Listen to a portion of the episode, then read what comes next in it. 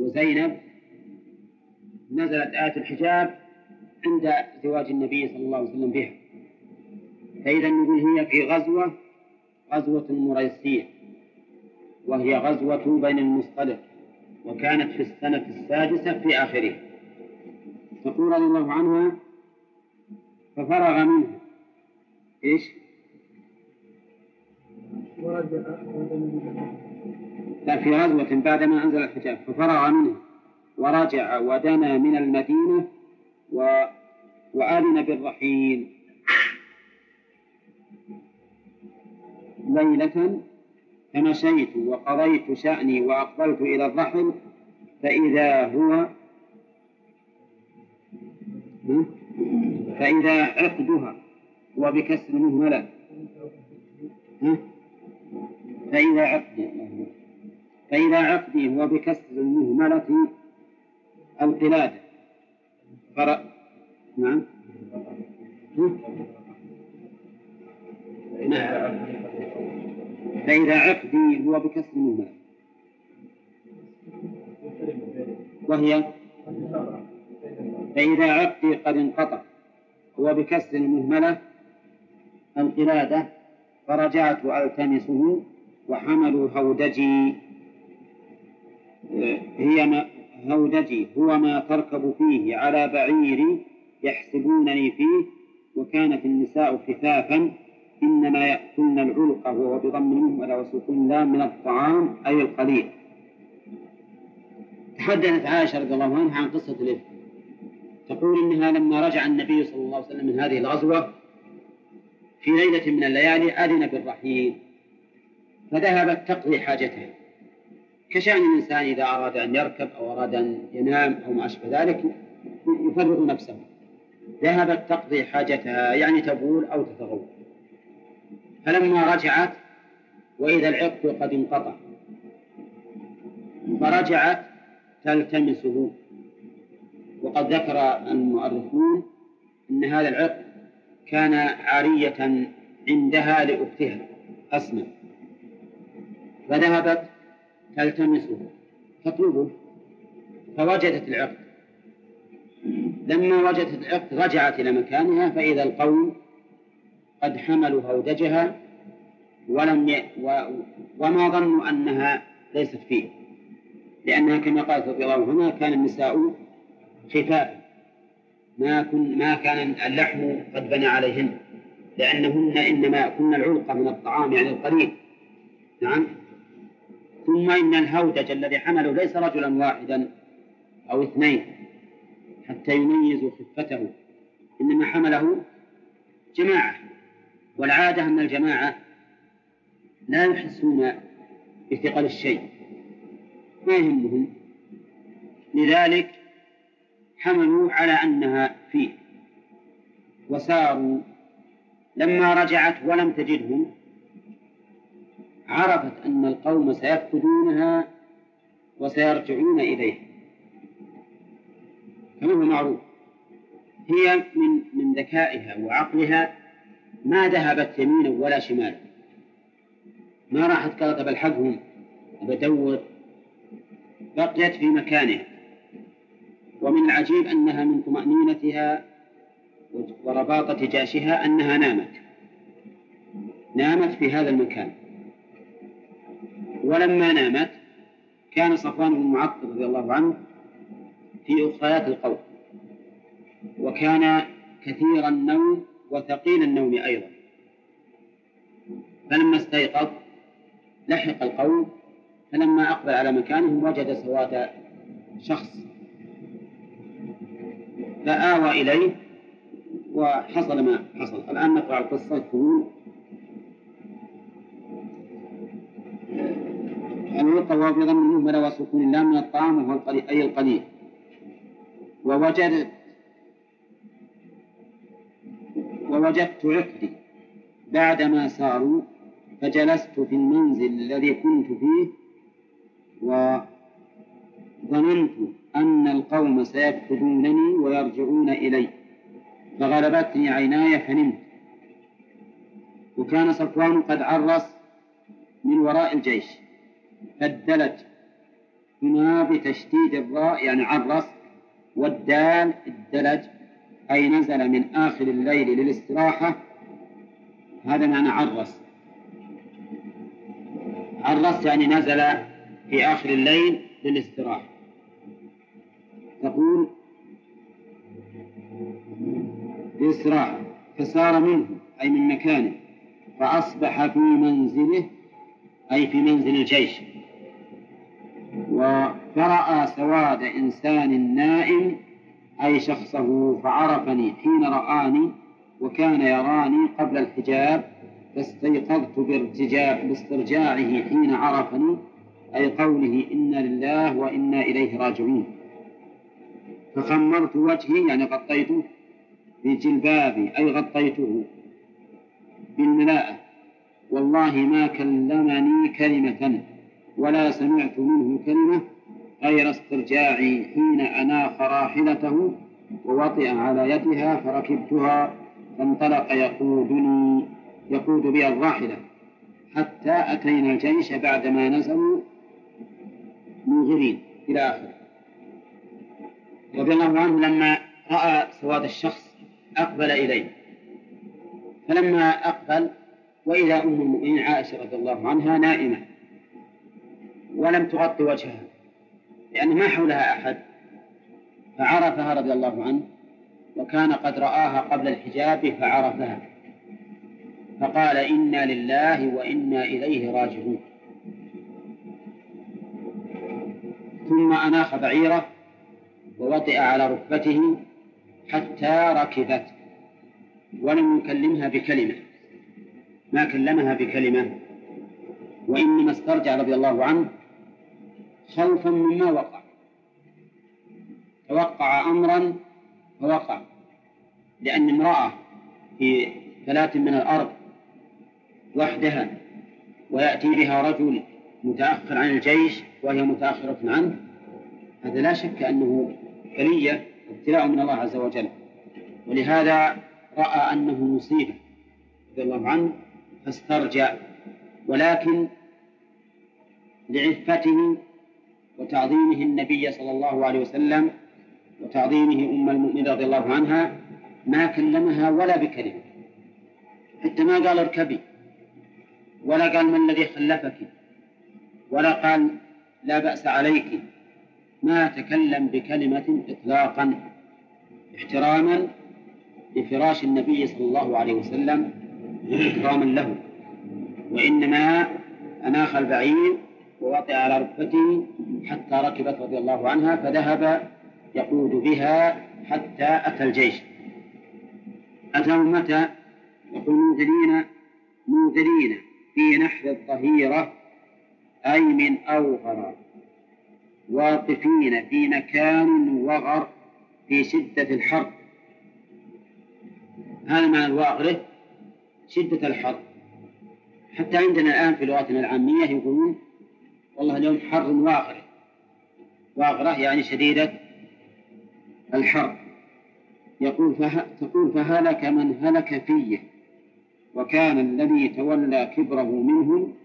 أب... الذي تولى كبره منهم عبد الله بن أبي عبد الله بن أبي ابن سلول انتهى قولها ايش؟ رواه الشيخان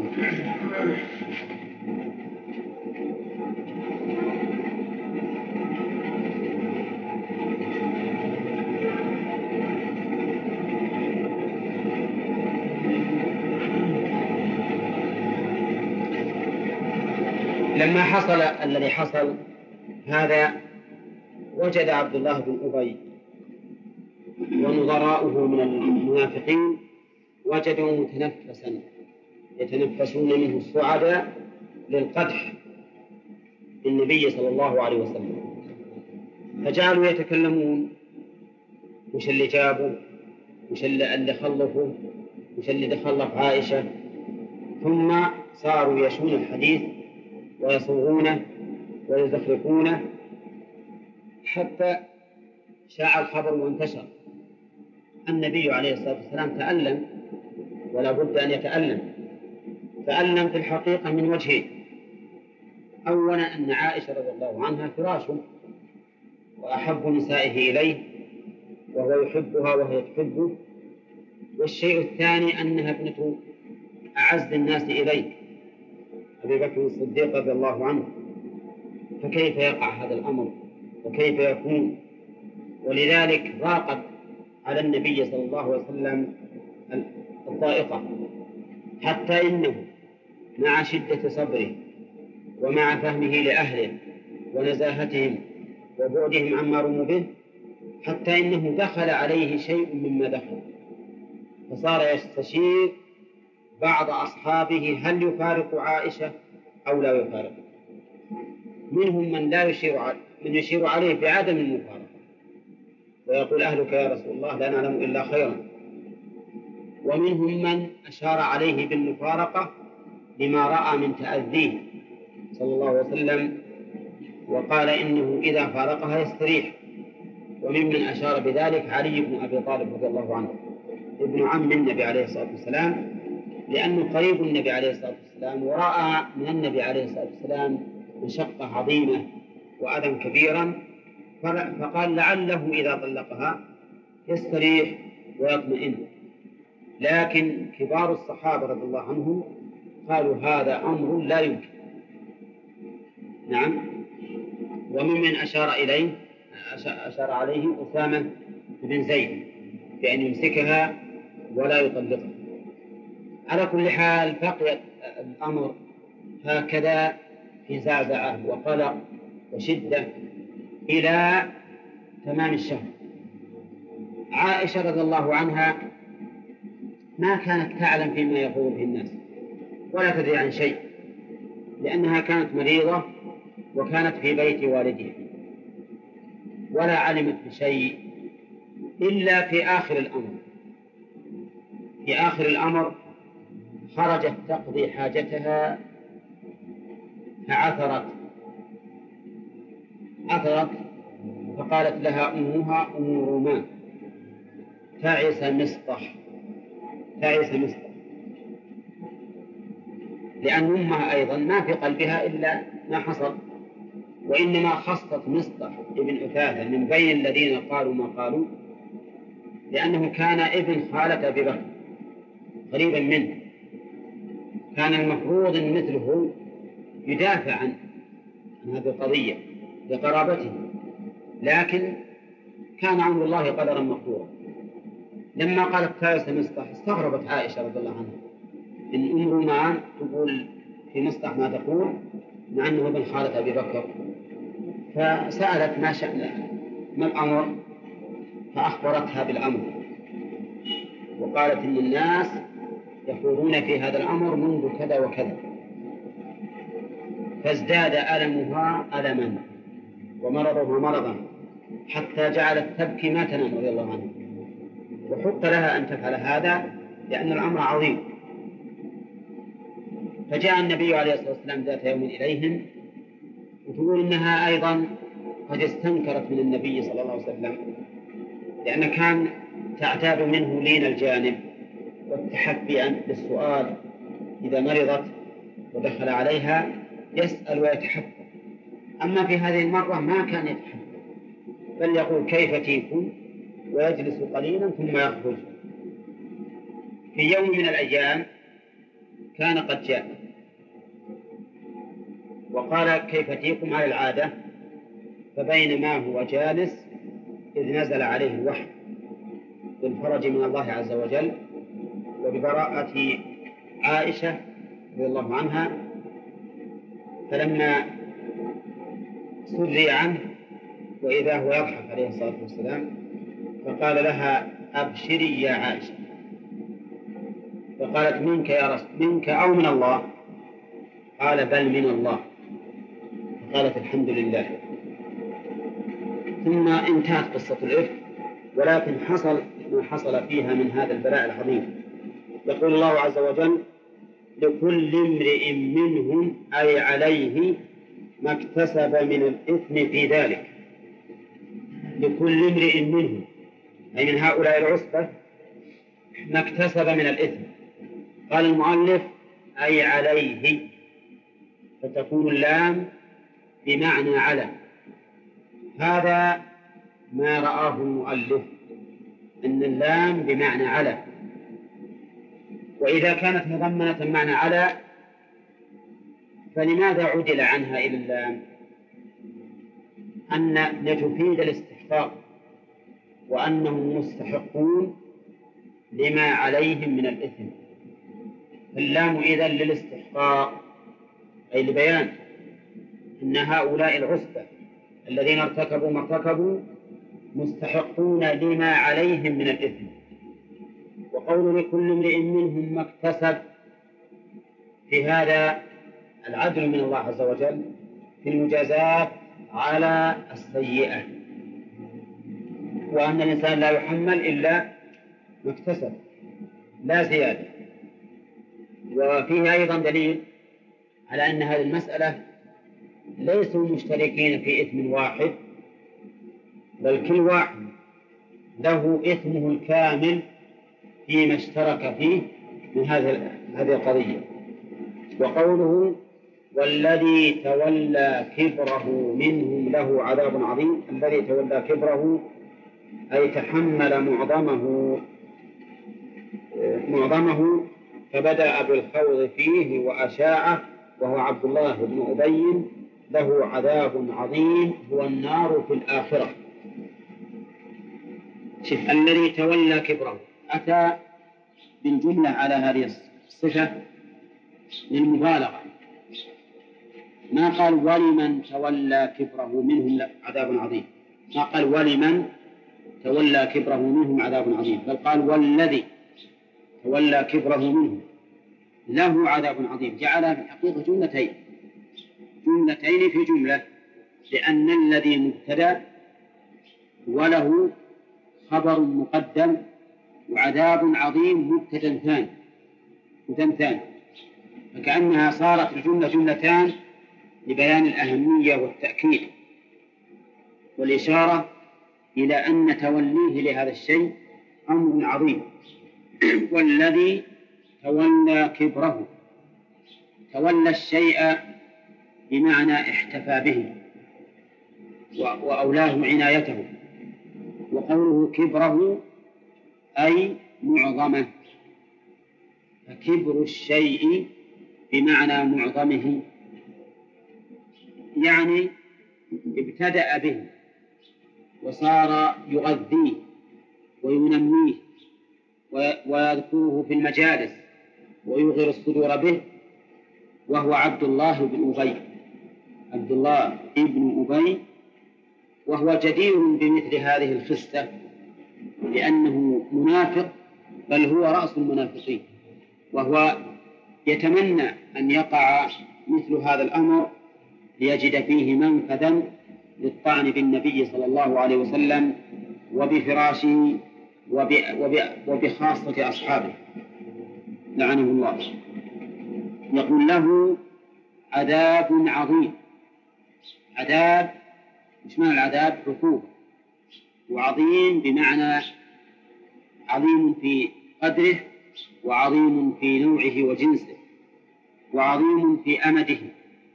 فإنه والعياذ بالله بالدرك الأسفل من النار لا يوجد أحد من أهل النار أسفل من المنافقين ورأس المنافقين في هذه الأمة من؟ عبد الله بن أبي فيكون هو أسفل من في الدرك الأسفل من النار ولذلك عظم عذابه والعياذ بالله في في شكله ومدته وفي قدره فهذا الذي تولى كبره منهم له عذاب عظيم طيب بقينا هل حد هؤلاء الذين تكلموا نعم وش الجواب ما حد النبي عليه الصلاة والسلام منهم إلا المؤمنين فقط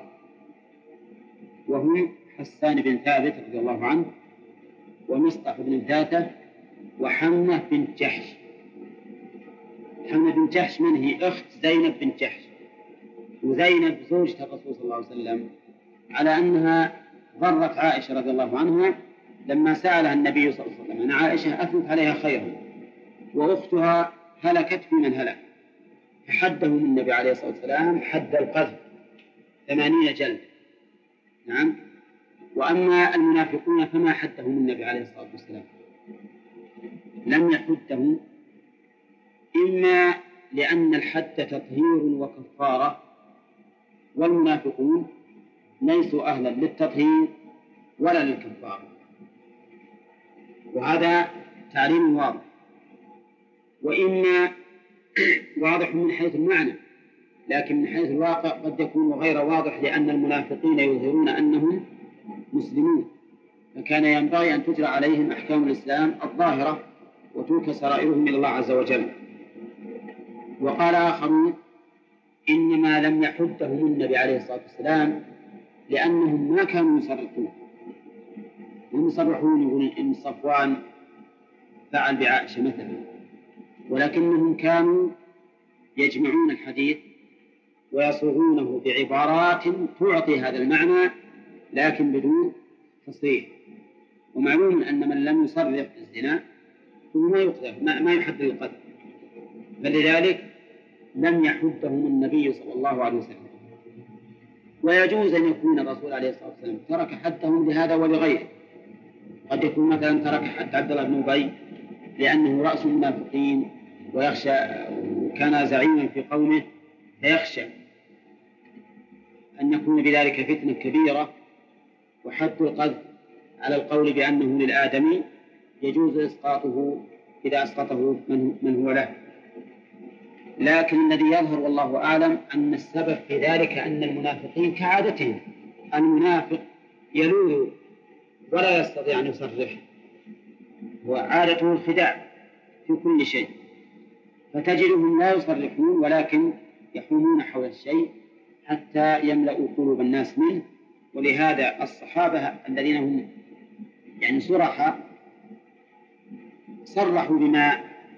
بما ظنوه وإن كان ظنا باطلا لكن على كل حال هم ظنوا هذا فصرحوا به حدهم النبي صلى الله عليه وسلم حد القدر ثم قال الله تعالى لولا إن سمعتموه لولا يقول المؤلف هل إذ حين سمعتموه ظن المؤمنون والمؤمنات بأنفسهم أي ظن بعضهم ببعض خيرا وقالوا هذا إفك مبين بين فيه التفات نعم كذب بين نعم إفك مبين كذب بين لولا إن سمعتموه يقول الشارح لولا بمعنى هلا فهي أداة تحضير أداة تحضير وفيها شيء من التوبيخ فيها شيء من التوبيخ حيث ظنوا صرف هذا يعني صرف المسافة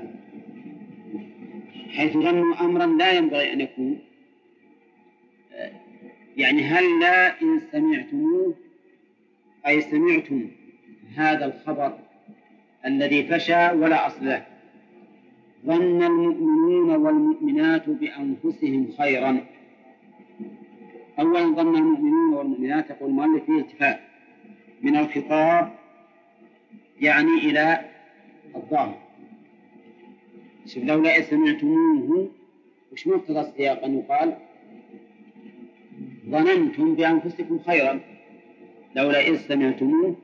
ظننتم بأنفسكم خيرا لكنه قال ظن المؤمنون والمؤمنات بأنفسهم خيرا فالتفت منين؟ من الخطاب إلى الظاهر يعني من ضمير الخطاب إلى الاسم الظاهر وقد مر علينا سابقا أن للالتفات فائدتان فائدتين على الأقل ما هما؟ التنبيه هذا واحد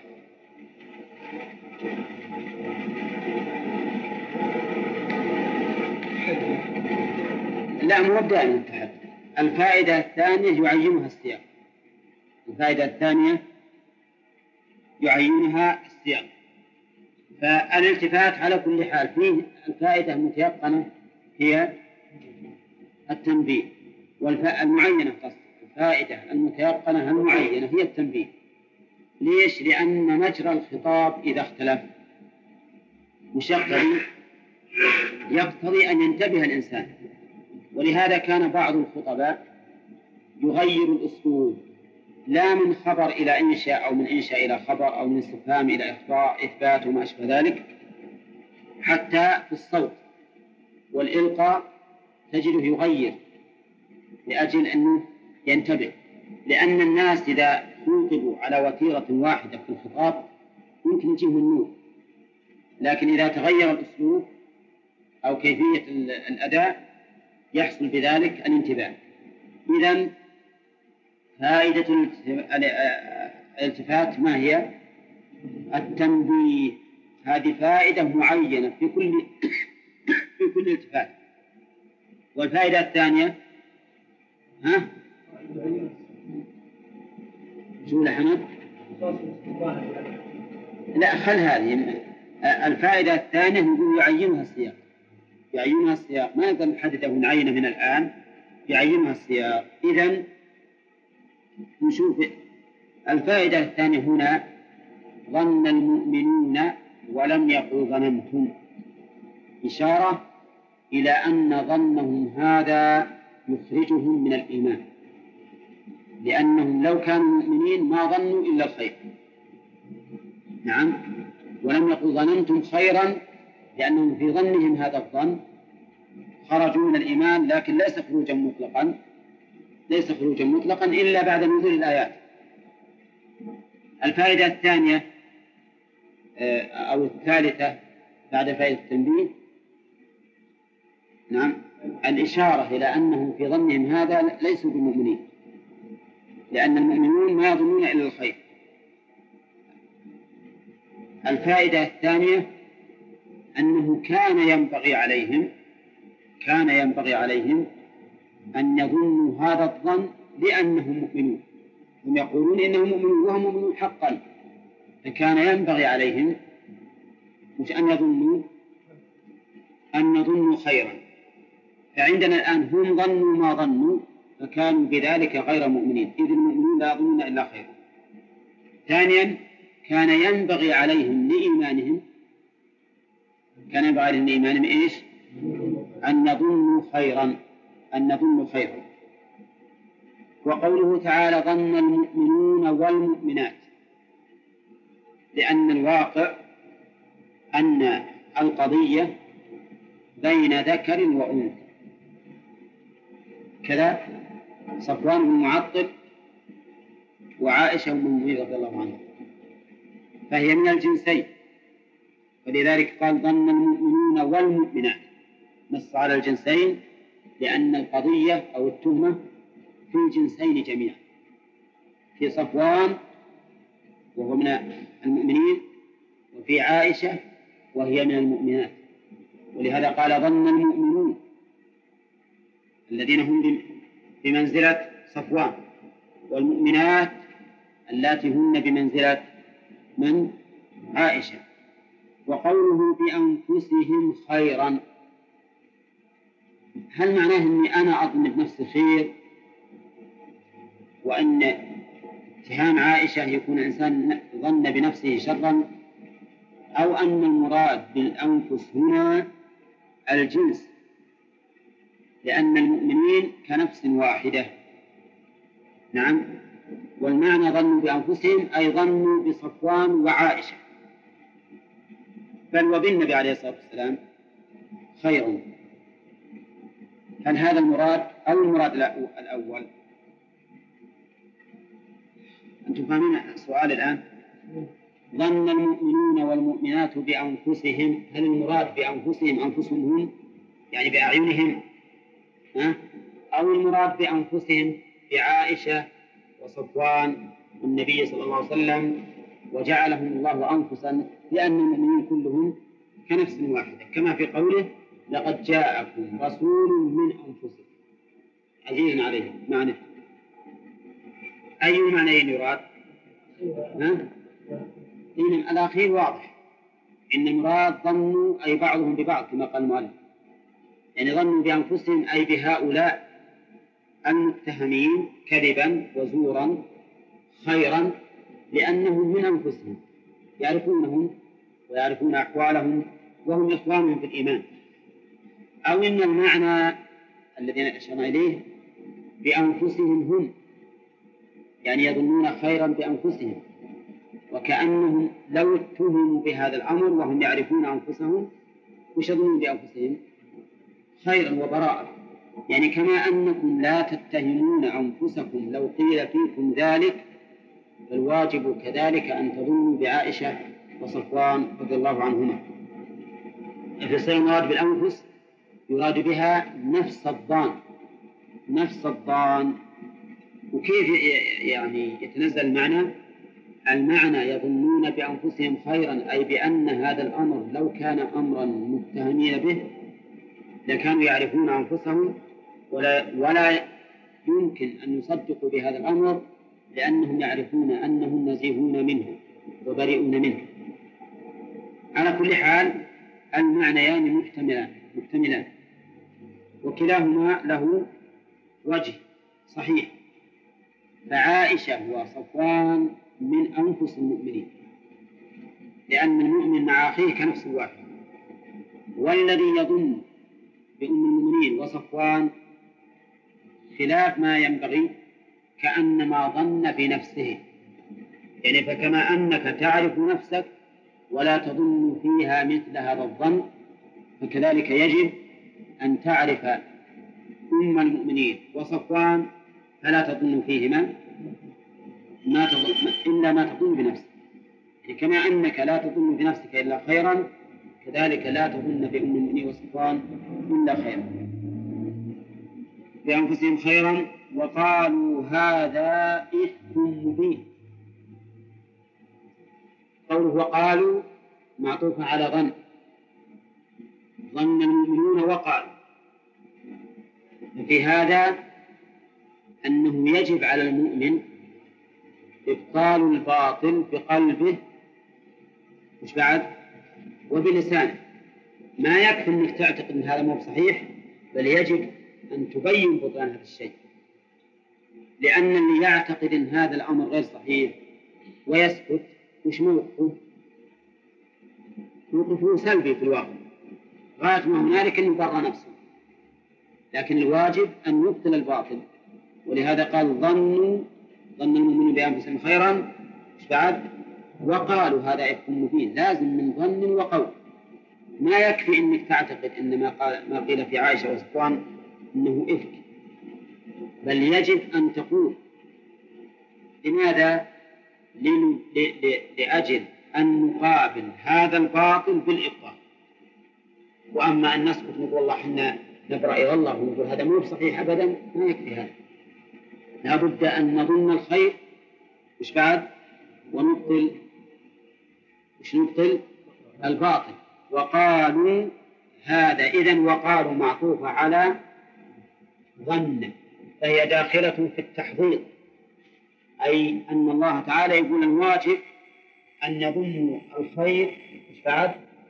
وأن يبطلوا ذلك أبلغ في التوبيخ فإنك إذا تحدثت لصاحبك بصيغة الغائب صار ألطف وأهون وإذا أتيت بعد ذلك بصيغة الخطاب صار أبلغ سواء كان ذلك مدحا أم ثناء نعم فمن الثناء الحمد لله رب العالمين الرحمن الرحيم مالك يوم الدين ثم قال إياك نعبد إياك نعبد فأثنى على الله المصلي أثنى على الله بالأول بصيغة الغائب الحمد لله ثم بصيغة إياك نعبد المخاطب كأنه بعد الثناء كأنه بعد الثناء صار حاضرا بين يدي ربه فقال إياك نعبد إياك نعبد إذا الالتفات هنا من الغيبة إلى الخطاب فائدته التنبيه وقوة التوبيخ لأن الخطاب أبلغ انظر إلى قوله تعالى عبس وتولى أن جاءه الأعمى وما يدريك لعله يزكى هنا يا محمد عبس وتولى أن جاءه الأعمى وما يدريك لعله يزكى في الأول عبس للغائب ثم قال وما يدريك وما يدريك لأنه النبي عليه الصلاة والسلام كأن الله سبحانه وتعالى لم يشأ أن يخاطبه بهذا اللفظ عبست وتوليت بل عبس وتولى حتى تبين ثم قال وما يدريك لعله يزكى هذه مثلها المهم أنه إذا انتقل من صيغة الغيبة إلى صيغة الخطاب فله فائدة التنبيه وزيادة فائدة أخرى تستفاد من السياق طيب إذ تلقونه بألسنتكم يعني أنه يرويه بعضكم عن بعض تلقى الشيء بمعنى استقبله وأخذه فهم يتلقونه بألسنتهم ويقولون بأفواههم ما ليس لهم به علم الفرق بين وتقولون بأفواهكم وتلقونه بألسنتكم نعم التلقي أخذه من الغير تلقاه مثل تلقي الجلب يعني استقبالهم فالتلقي لاستقبال الكلام وتقولون بأفواهكم ذلك لإلقاء الكلام إلى الغير لإلقاء الكلام إلى الغير وفيه إشارة إلى أن هذا القول لا يصل إلى القلب وإنما هو مجرد كلام باللسان مجرد كلام باللسان وذلك لتشكك كثير من الصحابة في هذا الخبر وسبق أن جمهورهم وفضلاءهم أنكروه من أول الأمر إذ تلقونه بألسنتكم وتقولون بأفواهكم ما ليس لكم به علم وفي هذا من التوبيخ ما فيه أن يقول الإنسان بفمه بأفواه جمع فاه وهو الفم تقول بفمك ما ليس لك به علم طيب إذا قال قائل أليس القول بالفم أليس القول بالفم لماذا قال تقولون بأفواهكم مع أن القول لا يكون إلا بالفم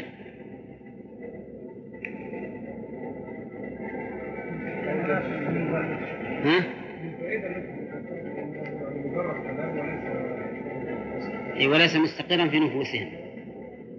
اي نعم هذا هو لأنه مجرد كلام بال... بال... باللسان وبالفم ولكنه لم يستقر في القلب لأنه ليس عن علم ليس عن علم و... وقد يقال إن هذا من باب التأكيد كما في قوله مشى برجله إلى فلان تحقيقا للمشي يعني أنه قول محقق تقولونه قولا صريحا وليس معناه وليس ذلك ظنا في النفس فإن القول يطلق على الظن وكذلك ومثله أيضا ولا طائر يطير بجناحيه إلا ومن مثاله فإن الطائر يطير بجناحيه معلوم أن الطائر ما يطير إلا إلا بجناحيه نعم ولا طائر يطير بجناحيه إلا ام من أمثالكم فعلى كل حال نقول إن قوله بأفواهكم إما أن يراد به تحقيق القول وأنه ليس مجرد ظن أو تخيل بل يقولونه صراحة بأفواههم وإما أن يقال إن هذا القول على مجرد الفم فقط ولا يصل إلى قرارة النفس لأنهم وإن كانوا يقولونه لكن كأنهم مستبعدونه مستريبون في حقيقته وقوله ما ليس لكم به علم ما أكثر ما يقع هذا من الناس يفيد أنه لابد أن الإنسان لا يقول قولا إلا وله به علم ما يكفي أن تقول قولا لمجرد الظن ولا لمجرد الوهم أو التخيل لا تقل خصوصا في الأمور الخطيرة إلا فيما لك به علم ولهذا قال الله عز وجل في سورة الإسراء ولا تقف ما ليس لك به علم يعني لا تتبعه إن السمع والبصر والفؤاد كل أولئك كان عنه مسؤولا فأنت مسؤول عن سمعك وبصرك وقلبك اللي هو محل الظن والاعتقاد إذا لا تقل ما ليس لك به علم لا تتبع ما ليس لك به علم فلا بد من أن يكون الإنسان على علم وهذه تربية من الله عز وجل تفيد أن الإنسان يتثبت فيما يقول ليكون قوله معتبرا وليسلم من إثم القول بلا علم لا سيما إذا كان القول على الله فإنه لا أحد أظلم ممن افترى على الله كذبا أو كان القول في مثل هذه الأمور الخطيرة التي فيها فيها القدح بالنبي صلى الله عليه وسلم وآل بيته وأصحابه وبالتالي القدح في الدين لأنه إذا قدح في الرسول الذي جاء به فهو قدح في نفس الدين الذي أتى به هذا الرسول المقدح فيه قال الله تعالى وتحسبونه هينا يعني لا إثم فيه وهو عند الله عظيم في الإثم في هذه الجملة من تعظيم هذا الأمر ما فيه يعني تحسبون أن القول في هذا الأمر تحسبونه هينا وأنها كلمات تقال وتنقل لكنه عند الله عظيم عند الله عظيم ويتعاظم كلما كان الإنسان المقول فيه أبعد عما قيل فيه ولهذا قذف المحصن فيه الحد وقذف غير المحصن فيه التعزيز يعني لو قذف إنسانا متهما بالزنا وليس عفيفا عزر فقط عليه السلام ولو قذف إنسانا معروفا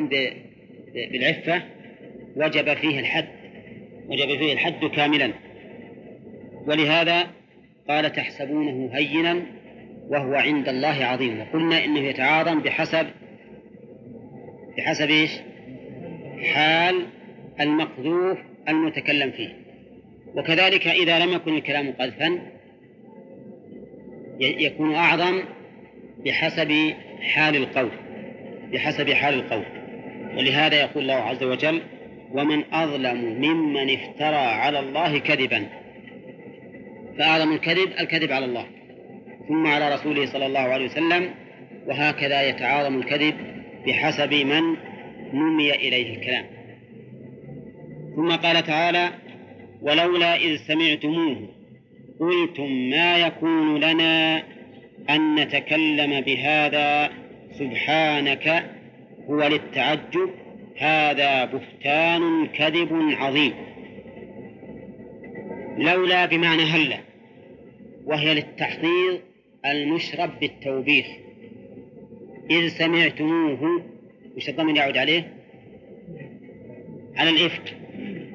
قلتم اقرب شوية يا أخي اقرب شوية لا تبه اقرب هنا انعطف بس قلتم هذه جواب لولا ما يكون لنا أن نتكلم بهذا ما يكون المؤلف ما ينبغي لنا واعلم أن كلمة ما يكون وكلمة ما ينبغي تأتي للشيء الممتنع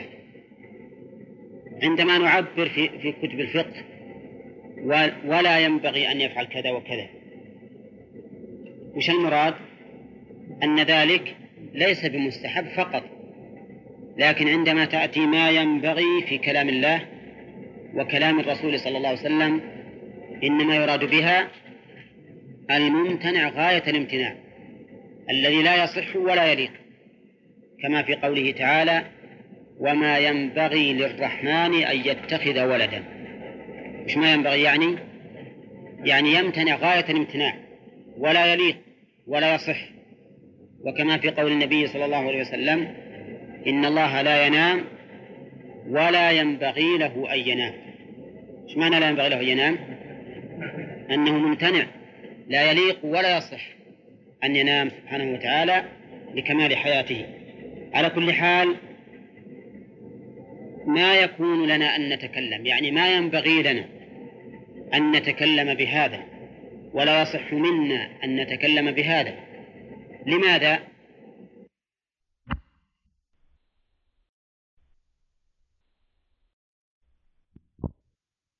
أبلغ في التوبيخ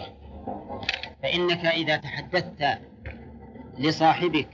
بصيغة الغائب صار ألطف وأهون وإذا أتيت بعد ذلك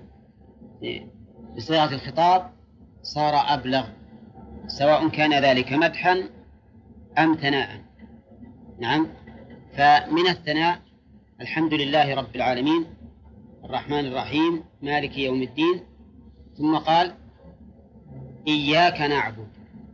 إياك نعبد فأثنى على الله المصلي أثنى على الله بالأول بصيغة الغائب الحمد لله ثم بصيغة إياك نعبد المخاطب كأنه بعد الثناء كأنه بعد الثناء صار حاضرا بين يدي ربه فقال إياك نعبد إياك نعبد إذا الالتفات هنا من الغيبة إلى الخطاب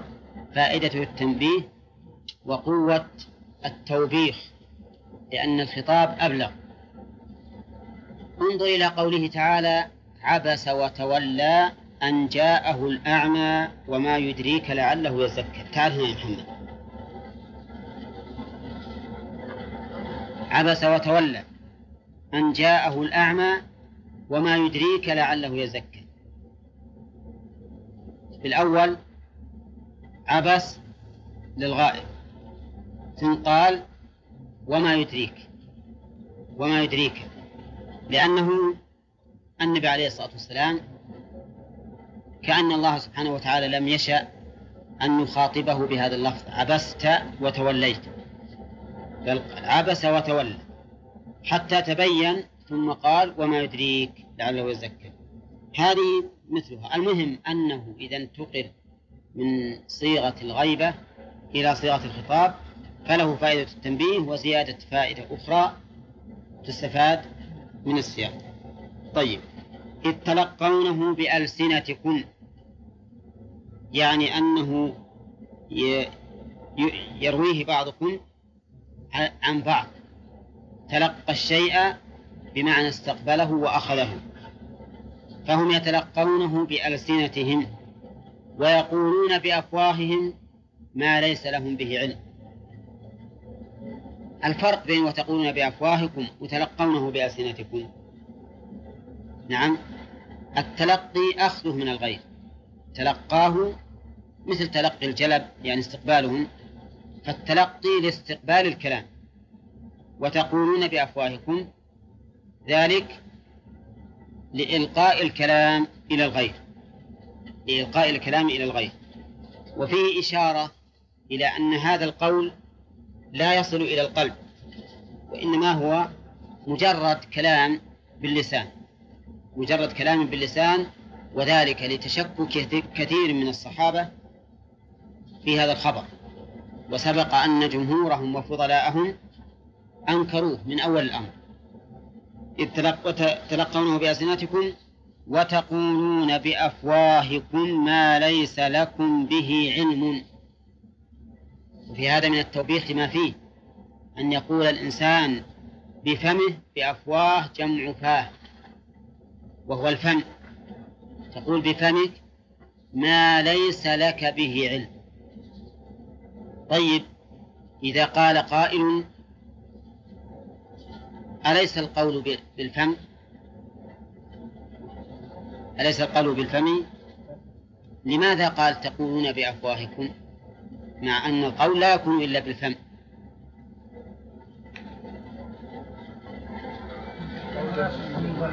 ها؟ وليس أي وليس مستقرا في نفوسهم اي نعم هذا هو لأنه مجرد كلام بال... بال... باللسان وبالفم ولكنه لم يستقر في القلب لأنه ليس عن علم ليس عن علم و... وقد يقال إن هذا من باب التأكيد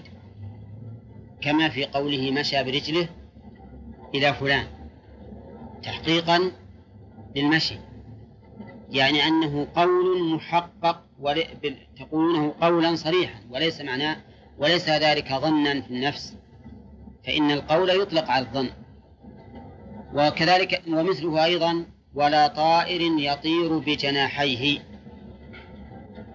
إلا أمم أمثاله فإن طائر يطير بجناحيه معلوم أن الطائر ما يطير إلا بجناحيه نعم ولا طائر يطير بجناحي إلا من أمثالكم فعلى كل حال نقول إن قوله بأفواهكم إما أن يراد به تحقيق القول وأنه ليس مجرد ظن أو تخيل بل يقولونه صراحة بأفواههم وإما أن يقال إن هذا القول على مجرد الفم فقط ولا يصل إلى قرارة النفس لأنهم وإن كانوا يقولون لكن كأنهم مستبعدونه مستريبون في حقيقته وقوله ما ليس لكم به علم ما أكثر ما يقع هذا من الناس يفيد أنه لابد أن الإنسان لا يقول قولا إلا وله به علم ما يكفي أن تقول قولا لمجرد الظن ولا لمجرد الوهم أو التخيل لا تقل خصوصا في الأمور الخطيرة إلا فيما لك به علم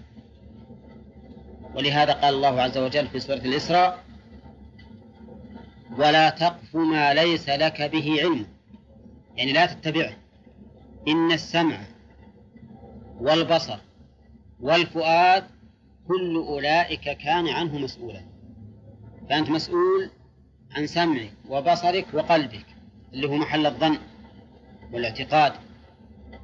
إذا لا تقل ما ليس لك به علم لا تتبع ما ليس لك به علم فلا بد من أن يكون الإنسان على علم وهذه تربية من الله عز وجل تفيد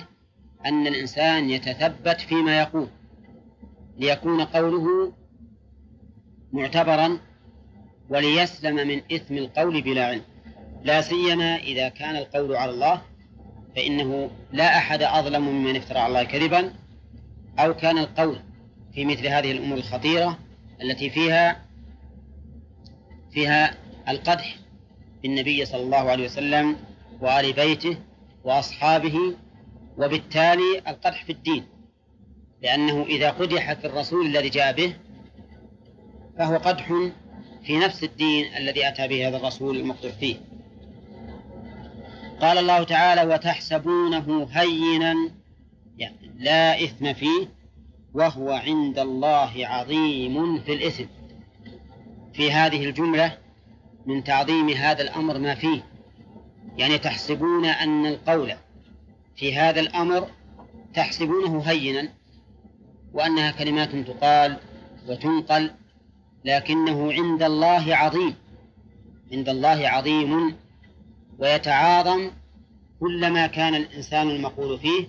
أبعد عما قيل فيه ولهذا قذف محصن فيه الحد وقذف غير محصن فيه التعزير يعني لو قذف إنسانا متهما بالزنا وليس عفيفا عزر فقط عليه السلام ولو قذف إنسانا معروفا بالعفة وجب فيه الحد وجب فيه الحد كاملا ولهذا قال تحسبونه هينا وهو عند الله عظيم وقلنا إنه يتعاظم بحسب بحسب إيش حال المقذوف المتكلم فيه وكذلك إذا لم يكن الكلام قذفا يكون أعظم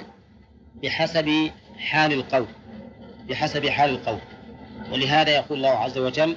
ومن أظلم ممن افترى على الله كذبا فأعظم الكذب الكذب على الله ثم على رسوله صلى الله عليه وسلم وهكذا يتعاظم الكذب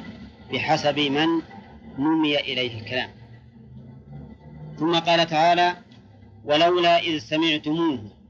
قلتم ما يكون لنا أن نتكلم بهذا سبحانك هو للتعجب هذا بهتان كذب عظيم لولا بمعنى هلا وهي للتحضير المشرب بالتوبيخ إذ سمعتموه وش الضمن يعود عليه؟ على الإفك قلتم اقرب شوية يا أخي اقرب شوية لا تبع اقرب هنا انعطف بس قلتم هذه جواب لولا ما يكون لنا أن نتكلم بهذا ما يكون والمؤلف ما ينبغي لنا واعلم أن كلمة ما يكون وكلمة ما ينبغي تأتي للشيء الممتنع عندما نعبر في, في كتب الفقه ولا ينبغي أن يفعل كذا وكذا وش المراد أن ذلك ليس بمستحب فقط لكن عندما تأتي ما ينبغي في كلام الله وكلام الرسول صلى الله عليه وسلم إنما يراد بها الممتنع غاية الامتناع الذي لا يصح ولا يليق كما في قوله تعالى وما ينبغي للرحمن أن يتخذ ولدا مش ما ينبغي يعني يعني يمتنع غاية الامتناع ولا يليق ولا يصح وكما في قول النبي صلى الله عليه وسلم إن الله لا ينام ولا ينبغي له أن ينام إيش معنى لا ينبغي له أن ينام أنه ممتنع لا يليق ولا يصح أن ينام سبحانه وتعالى لكمال حياته على كل حال ما يكون لنا أن نتكلم يعني ما ينبغي لنا أن نتكلم بهذا ولا يصح منا أن نتكلم بهذا لماذا؟ لأنه إيش إيه، لماذا هو ممتنع لأنه لا يمكن أن الله سبحانه وتعالى يجعل يجعل هذا الأمر واقعا من أهل النبي صلى الله عليه وسلم لا يمكن أبدا يمتنع حسب ما تقتضي حكمة الله عز وجل أن الله سبحانه وتعالى يجعل هذا الأمر واقعا من أهل الرسول صلى الله عليه وسلم لما في ذلك من من الأمر الذي لا لا يليق بحكمة الله عز وجل ولهذا قال ما ما يكون لنا أن نتكلم بهذا لخطورة الأمر وعظمه وفتحه وقوله سبحانك هو للتعجب هنا هذا ليس ليس بصحيح انه للتعجب ولكنه للتنزيه البالغ يعني ننزهك يا ربنا ان يقع هذا من اهل بيت من اهل بيت رسولك صلى الله عليه وسلم سبحانك يعني تنزيها لك عما لا يليق بك ومنه ان يقع مثل هذا من اهل النبي صلى الله عليه وسلم فكلمة سبحانك في هذا الموضع من أحسن ما يكون بل هي أحسن ما يكون في الحقيقة ما كان ما يكون لنا أن نتكلم بهذا ليش؟ لأن ذلك ينافي تنزيهك ولهذا قالوا سبحانك أي سبحانك أن يقع هذا من أهل بيت نبيك صلى الله عليه وسلم نعم وليس للتعجب إنهم يتعجبون مما قيل لا بل إنهم ينزهون الله سبحانه وتعالى عما نسب إلى أهله عما نسب إلى أهله يعني تنزيها لك يا ربنا أن يقع مثل هذا في بيت رسولك صلى الله عليه وسلم فهذا المقام فهذا التنزيه في هذا المقام من أحسن ما يكون بل هو أحسن ما يكون هذا بهتان كذب عظيم هذا بهتان كذب لأن لأنه خلاف ما تقتضيه حكمة الله عز وجل وعظيم ليش وصف بالعظم؟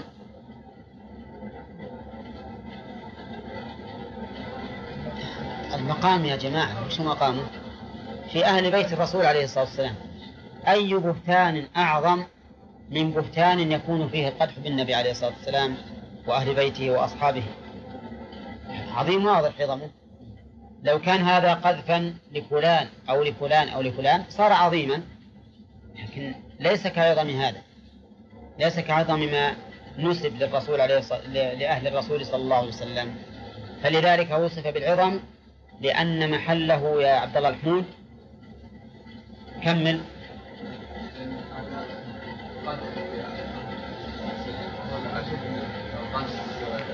طيب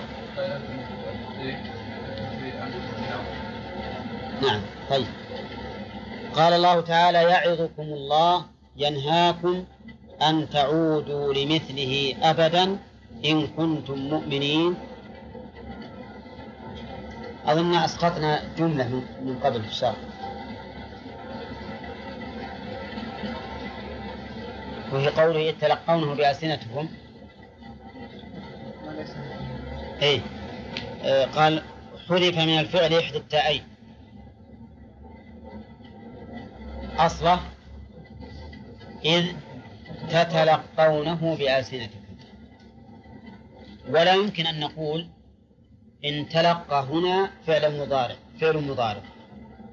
آه، فعل ماضي قصد ما يمكن أن نقول إنها فعل ماضي فأنذرتكم نارا تلظى نعم ممكن أن يقال فيها فعل ماضي لكنها فعل مضارع هي أصلا تتلظى لكن هنا هل يمكن أن نجعل تلقى لأن تلقى فعل ماضي لو لو لو جاءت مجردة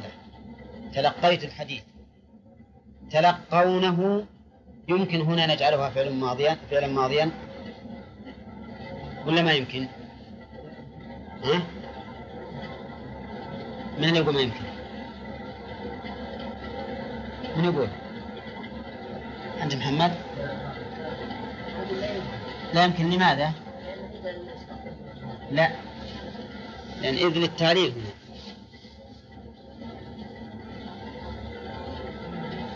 ها؟ ها؟ لا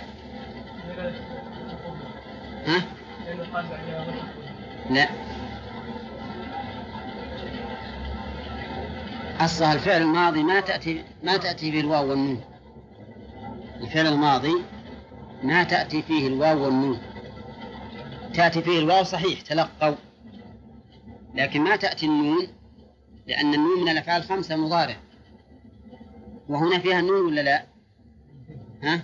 تلقون تلقونه فإذا هنا لا يجوز أن تكون فعلا ماضيا فيقينا أنه حذف منها إحدى التائين إحدى التائين ثم قال المؤلف وإذ منصوب بمسكم أو أفضتم وين مسكم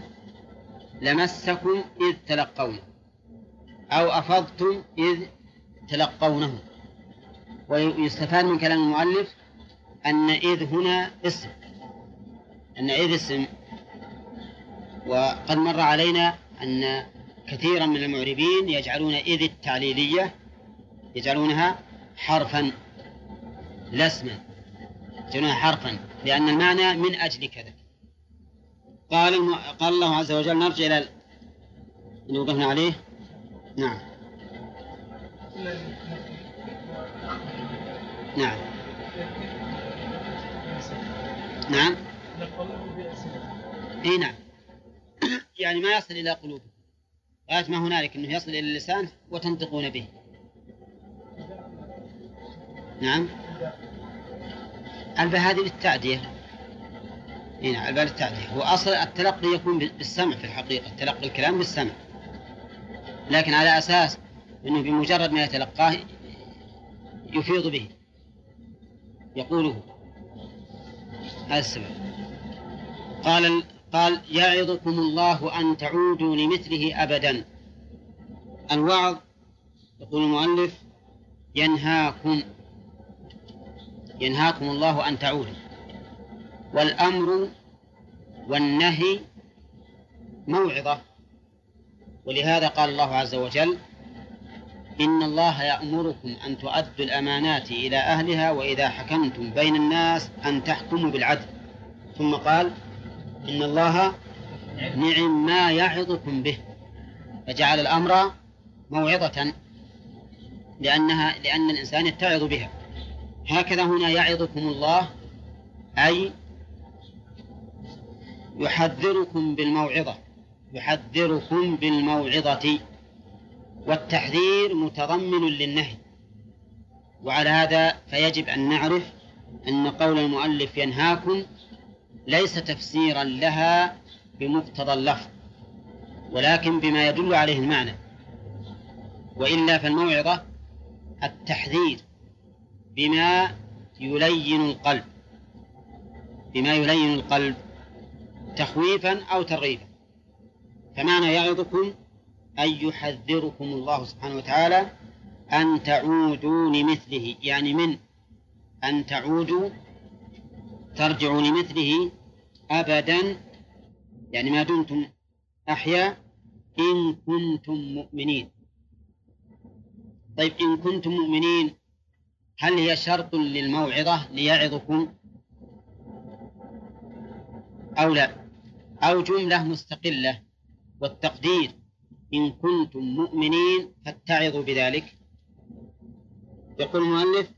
إن كنتم مؤمنين إيش تتعظون بذلك هذه الجملة في الحقيقة إن قلت إنها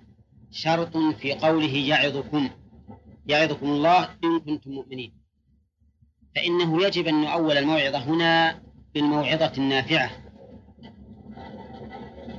لا بمجرد ذكر الموعظة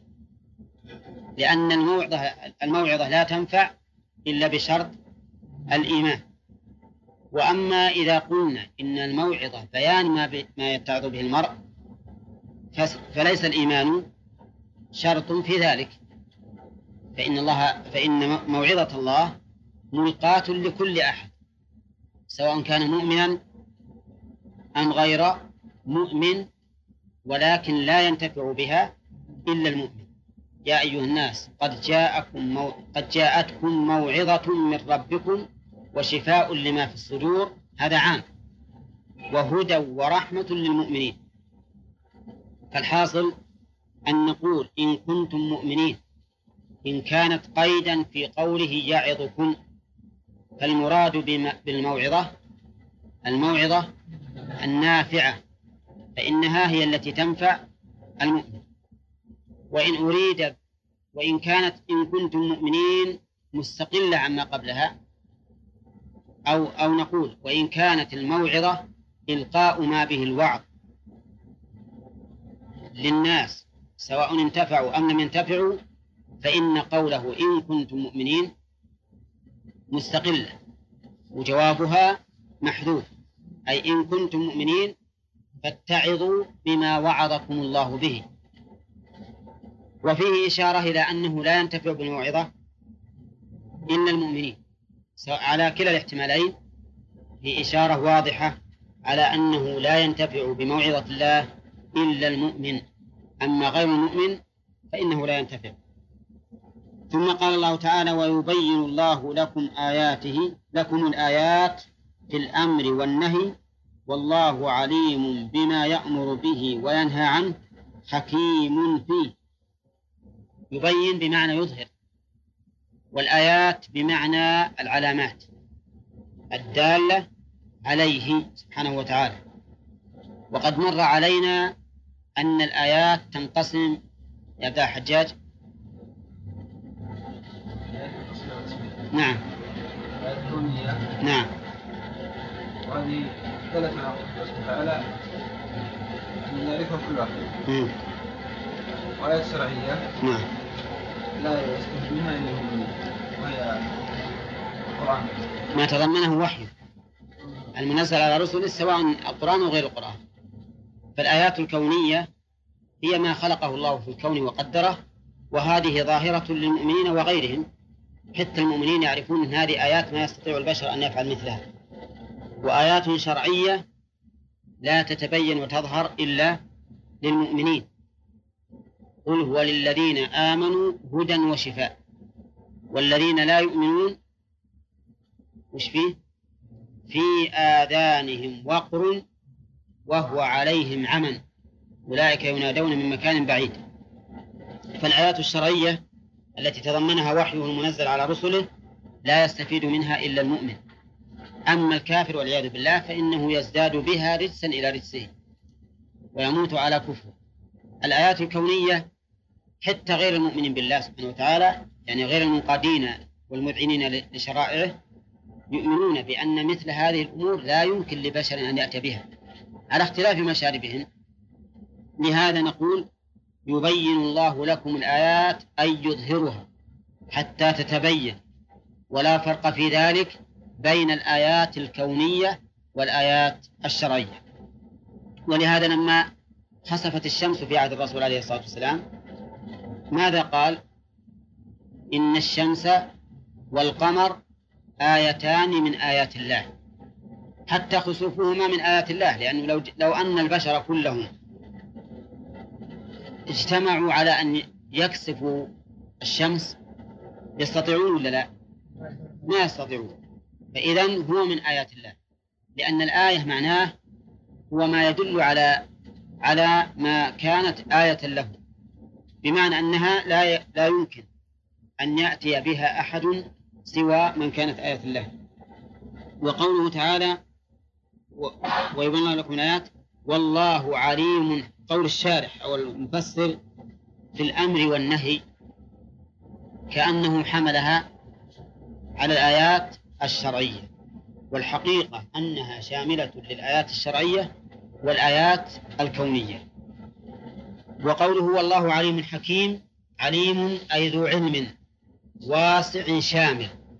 فيما يتعلق بفعله وفيما يتعلق بفعل المخلوقين الله سبحانه وتعالى عليم بما كان وما سيكون من فعله ومن فعل المخلوقين وحكيم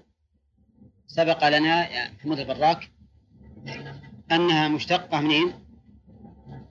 ها؟ من الحكمة والحكم صحيح من الحكمة والحكم طيب وسبق لنا يا صالح حجاج أن الحكمة تكون ها نسيت الحكمة تكون في هذا هو المطلوب إيه ها اي لا موضعه موضعه نعم ها لا لا نعم لا موضع الحكمة الشرع والقدر تكون أولا في الشرع والقدر فكل ما شرعه الله فإنه حكمة مطابق للحكمة وفي القدر كل ما خلقه الله فهو مطابق للحكمة فمحلها إذن الشرع والقدر أما هي الحكمة نفسها فهي على ثلاثة أشياء في إيش؟ ها؟ في الإيجاد والصورة والغاية فإيجاد الشيء حكمة لولا أن الحكمة في وجوده ما وجد وكونه على هذا الشكل المعين أو بهذه الصورة المعينة هو أيضا حكمة والغاية منه أيضا حكمة أفحسبتم أنما خلقناكم عبثا وأنكم إلينا لا ترجعون إذا ضربنا اثنين في ثلاثة كم تكون الشرع والقدر وكل منها إما في الإيجاد أو في الصورة أو في الغاية تكون الجميع ستة نعم أما الحكم فإنه ينقسم أيضا إلى قسمين كوني وشرعي مثال الكوني نعم الكوني هذا كوني ذا لأن هذا لاحظ أنه ذكر بعد أن قال الله تعالى يا أيها الذين آمنوا إذا جاءكم المؤمنات مهاجرات فامتحنوهن الله أعلم بإيمانهن فإن علمتموهن مؤمنات فلا ترجعوهن إلى الكفار لا هن حل لهم ولا هم يحلون لهن وآتوهم ما أنفقوا ولا جناح عليكم أن تنكحون إذا تتمون أجرهن ولا تمسكوا بعصم الكوافر واسألوا ما أنفقتم ولا يسألوا ما أنفقوا ذلكم حكم الله يحكم بينكم وش يصير هذا؟ ها؟ شرعي لأن الأمور هذه اللي سبقت كلها تشريعات طيب آه، نريد هذا مثال للشرعي مثال للكوني إيه، قول أخي يوسف فلن أبرح الأرض حتى يأذن لي أبي أو يحكم الله لي وهو خير الحاكمين نعم طيب آه، إذا كان الحكم كونيا أو شرعيا كله مطابق للحكمة فهل يلزم أن نعرف هذه الحكمة ولا ما يلزم؟ ها؟ لا يلزم لكن يجب علينا أن نؤمن بأنه ما من شيء أوجده الله أو شرعه إلا وله حكمة لكننا لقصورنا يخفى علينا كثير من هذه الحكم نعم ويبين الله لكم من آياته والله عليم حكيم ثم قال الله تعالى إن الذين يحبون أن تشيع الفاحشة في الذين آمنوا لهم عذاب أليم في الدنيا والآخرة والله يعلم وأنتم لا تعلمون إن الذين يحبون أن تشيع الفاحشة باللسان إن الذين يحبون أن تشيع الفاحشة باللسان لهم عذاب أليم قلنا إن مثل هذا التركيب كونه يأتي بالجملة على جملتين يفيد ذلك التأكيد شوف إن الذين يحبون أن تشيع الفاحشة لهم ما قال إن للذين يحبون أن تشيع الفاحشة عذاب بل جعل المسألة جعلها جملتين صغرى وكبرى صغرى وكبرى فقول إن الذين يحبون أن تشاء الفاحشة في الذين آمنوا لهم عذاب أليم هذه الكبرى وقول لهم عذاب أليم هذه الصغرى سمي الصغرى لأنها قائمة مقام الاسم المفرد إذ هي خبر والأصل في الخبر أن يكون مفردا أرجو أن ننتبه لأن أمس نسيت أنا أن أبحث هذا إن الذين يحبون أن تشيع الفاحشة في الذين آمنوا الذين هذه الأولى إن الذين شرابة اسم إن فهي في محل المبتدأ يحبون صلة الموصول أن تشاء الفاحشة بالذين آمنوا مفعول يحبون لهم خبر مقدم وعذاب مبتدا مؤخر والجملة خبر إن خبر إن إذا هذه الجملة نقول تضمنت جملتين صغرى وكبرى تمعني تمعني ولا لا طيب الكبرى المجموع إن الذين يحبون أن تشيع الفاحشة في الذين آمنوا لهم عذاب أليم هذه جملة كبرى والصغرى لهم عذاب أليم وسميناها صغرى وإن كانت مكونة من مبتدأ وخبر لأنها لأنها خبر فهي في مقام المفرد لأن الأصل في الخبر أن يكون مفردا تقول مثلا الطالب فاهم الطالب فاهم فاهم خبر مبتدا مفرد تقول الطالب له فهم صارت الآن ها صارت جملة والجميع جملتان كبرى وهو مجموعهما وصغرى وهو الجملة التي صارت خبرا نعم والله أعلم يمكن أن ينكرها لأنها آيات كونية واقعة الليل والنهار والشمس والقمر طيب والشرعية؟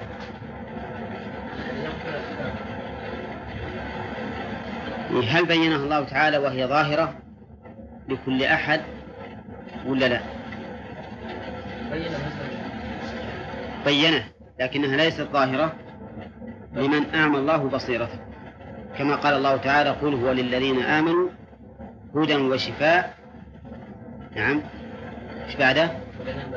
والذين لا يؤمنون في آذانهم وقر وهو عليهم عمل أولئك ينادون من مكان بعيد إذا فبيان الآيات واتضاحها إن كانت كونية فهي واضحة ولا أحد يشك فيها وإذا كانت شرعية فهي واضحة في حد ذاتها لكن من الناس من يعمى عنها هنا نعم. كما أنه أيضا ربما يقال حتى الآيات الكونية ربما يعمى عنها بعض الناس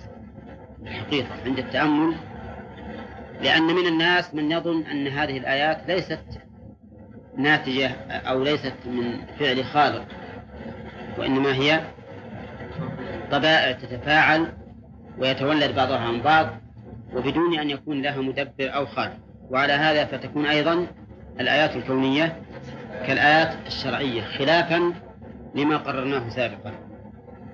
ثم قال الله تعالى إن الذين يحبون أن تشيع الفاحشة في الذين آمنوا لهم عذاب أليم في الدنيا والآخرة إن الذين يحبون الذين اسم من أسماء الموصول والمعروف في علم الأصول أن اسم أن الاسم الموصول يفيد العموم إن الذين يحبون يكون عاما وقوله يحبون أن تشيع الفاحشة تشيع بمعنى تنتشر وتظهر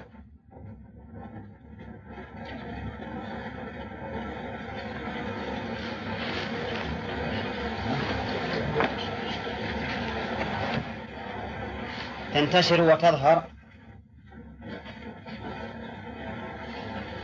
وقول المؤلف باللسان هذا تفسير للشيوع يعني تشيع بالقول وتظهر ويتداولها الناس ولكن الأظهر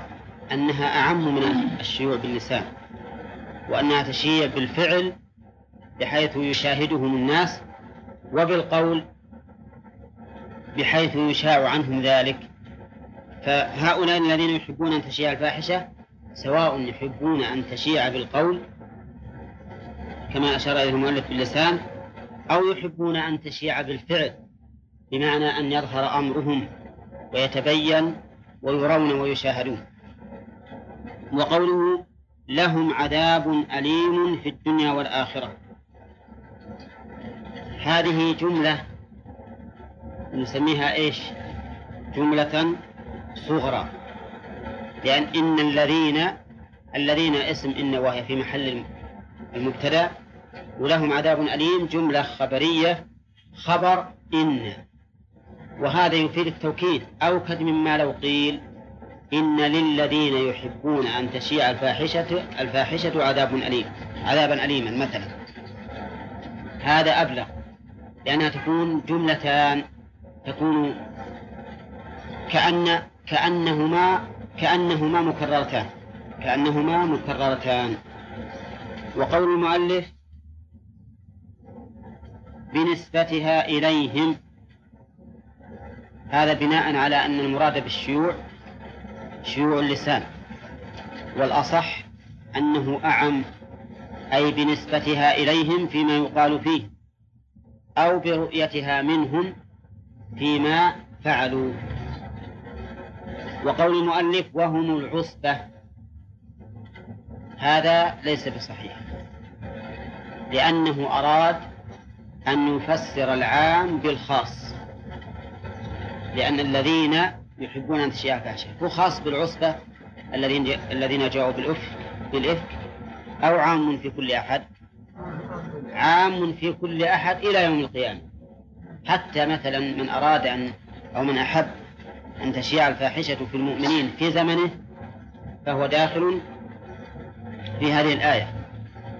وتخصيص الآية بشيء لا لا دليل عليه هذا لا يجوز وقد قال أهل العلم إن العبرة بعموم اللفظ لا بخصوص السبب لكن يجب أن نعرف أن صورة السبب قطعية الدخول يعني إذا ورد لفظ عام لسبب خاص فإن السبب الذي وردت من أجله قطعي الدخول في هذا العام وغيره من أفراد العموم ليس قطعيا ولكنه ظاهر فيه ولكنه ظاهر فيه وبيان ذلك أن دلالة العام حطوا بالكم دلالة العام على كل فرد من أفراده قطعية ولا ظنية دلالة ظنية يعني ليست قطعا إذ يجوز أن يكون بعض الأفراد قد خصص بحكم يخالف هذا العموم ولهذا نقول دلالة العموم دلالة اللفظ العام على عمومه ظنية فهمتم؟ لماذا نقول ظنية؟ لاحتمال أن يكون بعض أفراده قد خص إلا صورة السبب يعني الصورة التي هي سبب هذا العموم فهي قطعية الدخول لأنه ما يمكن أن نخرجها عن العموم وهو وارد من أجلها فمثلا لو قال قائل الذين يظاهرون منكم من نسائهم ما هن أمهاتهم إلى آخره لو قال قائل إنها لم تنزل إنه لا يدخل فيها أوس بن الصامت الذي ظهر من زوجته وهو سبب النزول ماذا نقول له نقول هذا غير صحيح قطعا هو داخل قطعا هو داخل لو قال قائل إن الرجل الذي رآه النبي صلى الله عليه وسلم قد ظلل عليه والناس حوله وهو صائم في السفر فقال النبي صلى الله عليه وسلم ليس من البر الصوم في السفر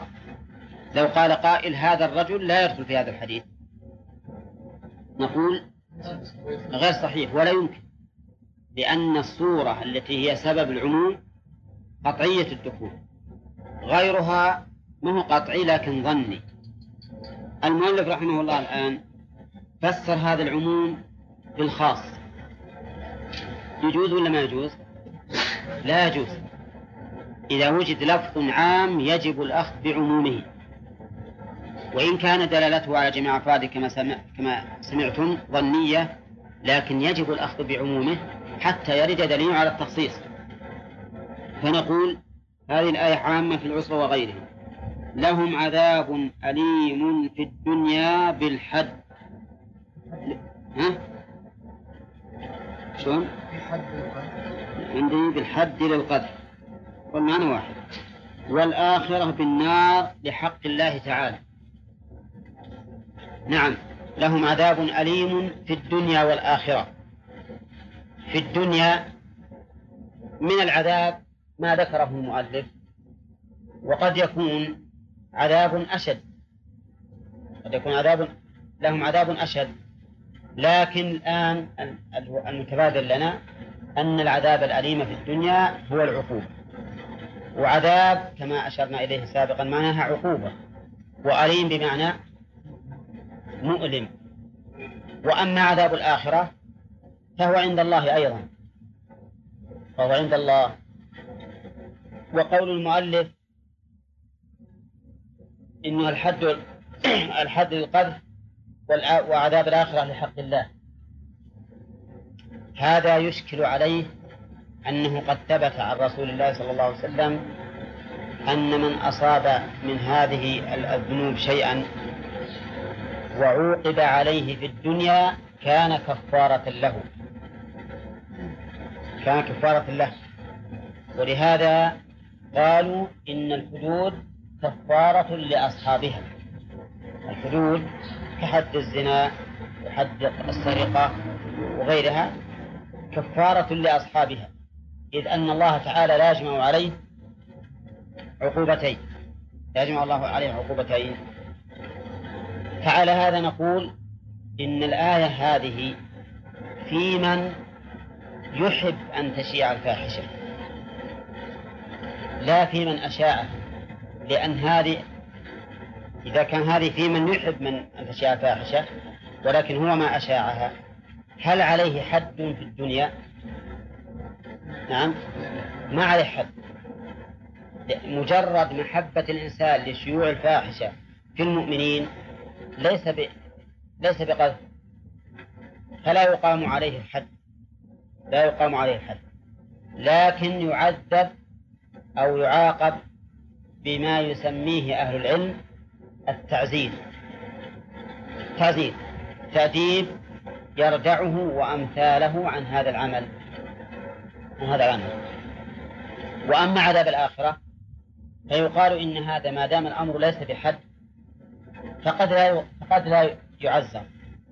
وحينئذ يكون العذاب عليه في الآخرة وأما من أقيم عليه الحد لمعصية من المعاصي فإنه يكون كفارة له كما ثبت ذلك عن رسول الله صلى الله عليه وسلم طيب إذا كان هذا الوعيد في من يحبون أن تشيع الفاحشة في المؤمنين فكيف يكون حال من أشاع الفاحشة أي نعظم يا حمود أي نعظم عبد الله الذي يشيع أشد من الذي يحب أن تشيع لأن الذي يشيع يحب ويفعل أحب وفعل إذ ما أشاع الشيء إلا لمحبته لشيوعه فيكون قد أحب وفعل والذي أحب قد لا يفعل ومع ذلك له عذاب أليم واضح نعم ثم قال الله تعالى والله يعلم وأنتم لا تعلمون والله يعلم انتفاءها عنهم وأنتم أيها العصبة لا تعلمون وجودها فيهم ها؟ ايش؟ لا تعلمون وجودها فيه وانتم ايها الاصل اي. ما قلتم من الاثم لا تعلمون اي ما هي بعد بما بما قلت من الاثم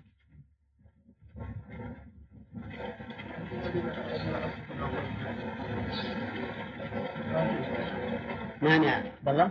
نعم.